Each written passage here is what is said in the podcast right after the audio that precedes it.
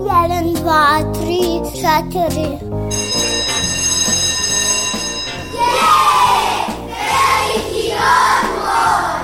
Emisija o obrazovanju i vaspitanju. E, Kad neka vaspitačica kaže da je veliki odmor, onda nešto radite. Jedeš, treniraš, skačeš, julješ se, eto, i tako. Vi slušate veliki odmor. Veliki odmor.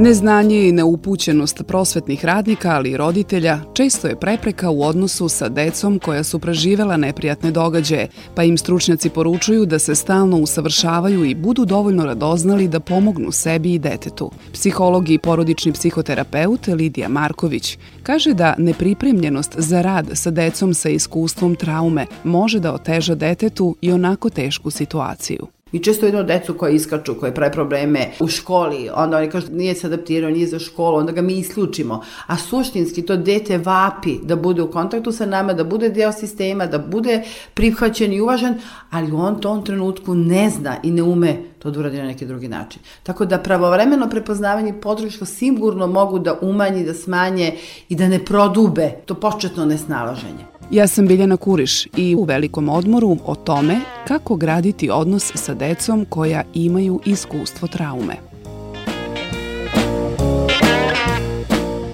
Prema oceni stručnjaka, trauma je događaj koji se smatra opasnim za osobu i za koji nema odgovarajuće veštine da se zaštiti. Nepoželjni događaj kao što je nasilna smrt voljene osobe, dijagnoza teške bolesti, silovanje, teška saobraćajna nesreća, zatim gubitak imovine, izdaja od nekoga kome smo verovali, su događaji koji se ne uklapaju u sliku našeg shvatanja života.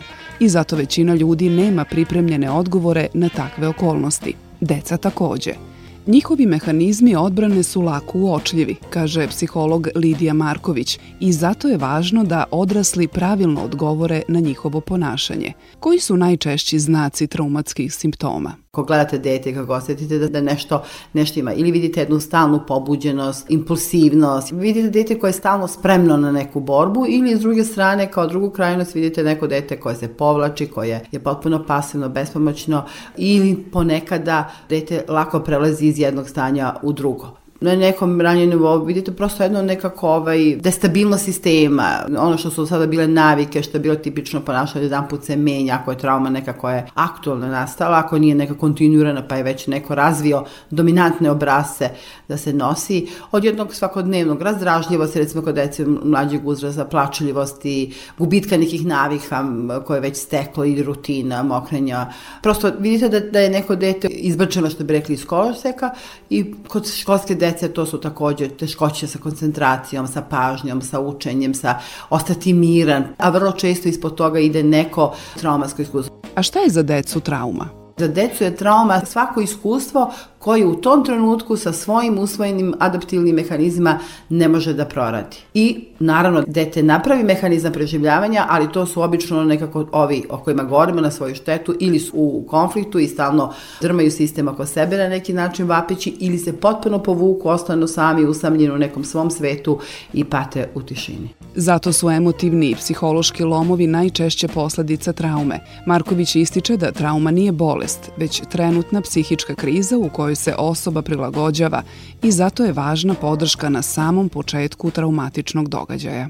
Sad ako dugo se ne vidi, ostavi, zanemari, prepusti, to onda postaje jedan, kako kažem, razvijaju se neki obrasci da bi se preživelo, koji onda postaju uh, manje funkcionalni, ne kažem problematični, nego funkcionalni i za dete, za njegovu unutrašnjost i za kontakt sa drugim ljudima koji su mu važni. Mi često vidimo decu koje iskaču, koje pravi probleme u školi, onda oni kažu nije, nije se adaptirao, nije za školu, onda ga mi isključimo. A suštinski to dete vapi da bude u kontaktu sa nama, da bude deo sistema, da bude prihvaćen i uvažen, ali on to tom trenutku ne zna i ne ume to da uradi na neki drugi način. Tako da pravovremeno prepoznavanje podrška sigurno mogu da umanji, da smanje i da ne prodube to početno nesnalaženje. Vi slušate veliki odmar.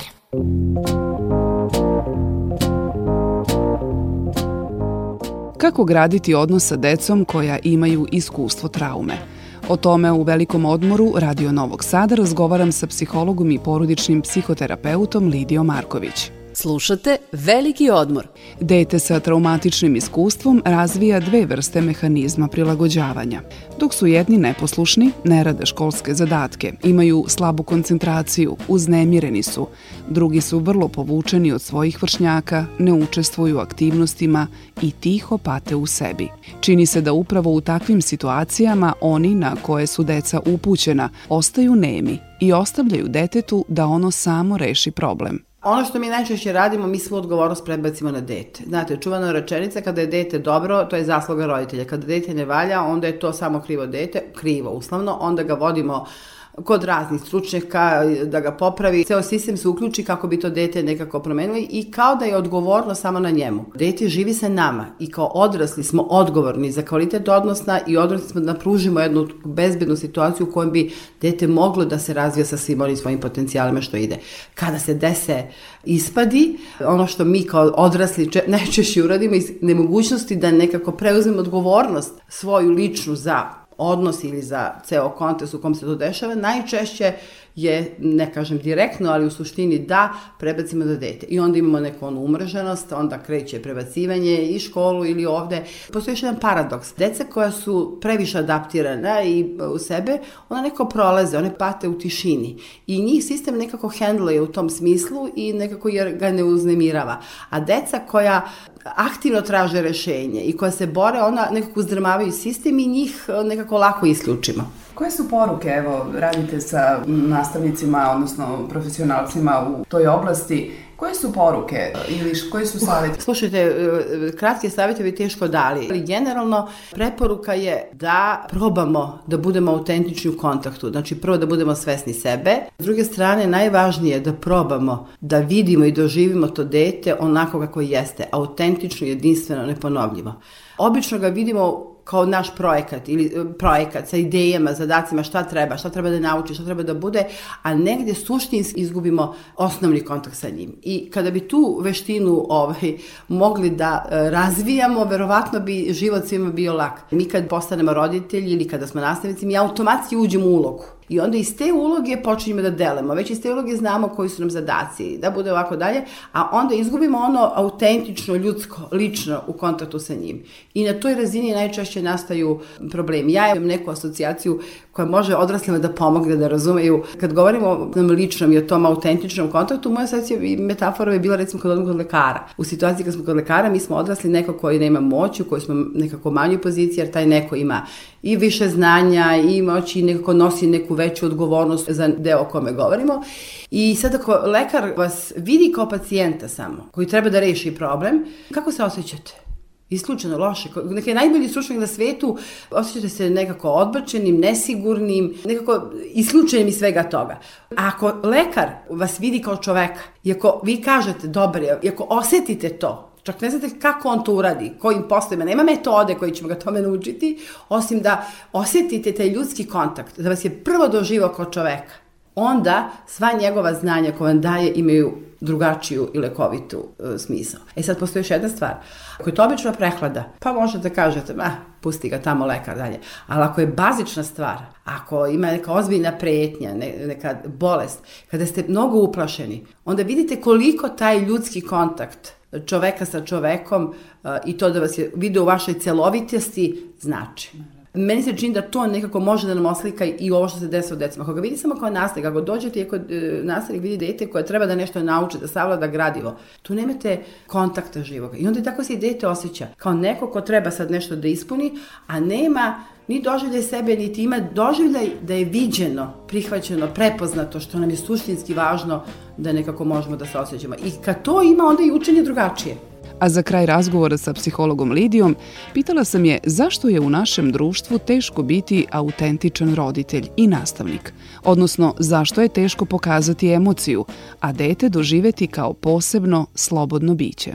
To su nove paradigme, kako bih rekla, promene. Naravno, u nekom ranjem sistemu, tačno, bila je definisane su pozicije moći, upravo to, bile su definisane uloge, kako da kažem, mi smo nekako i znali, ako ne znate kako da radite, vi ste nekako pozivali familiju koja bi vam u tom pomogla, mislim, život se danas menja, ono što pretpostavljam da prepoznaju svi, pa smo onako zbunjeni, da deca danas ne prepoznaju, na primjer, autoritet iz uloge. Ako se svi setimo, pa kažemo, kada je moj stric ušao u kuću, mi smo mogli, ustajali iz poštovanja, a danas deca kad vas vide, vide vas kod čoveka, ne veze što ste vi stric i taj autoritet ide iz nas.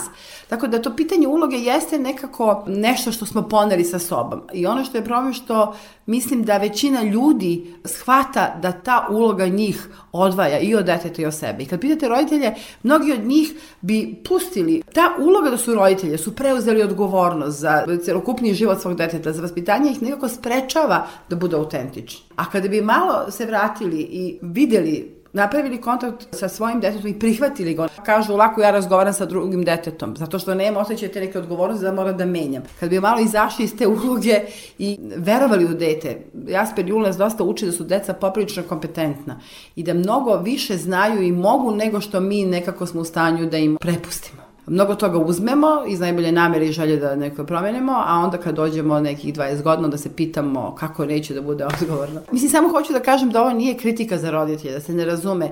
I ja sam roditelj, isto tako 20 godina učim i danas ponekad uletim u to, prosto uh, život teče, menja neke vrednosti koje su postojale u nekom sistemu, danas više nisu. Znate, deca danas nekako su se u odnosu na neko naše vreme na neki način izborila da nekako mogu da se čuju. To roditelji doživi kao gubitak svoje moći, a mislim da je dobra prilika da dožive kao poziv da nekako e, se vrate sebi i da nekako i sami se rasterete.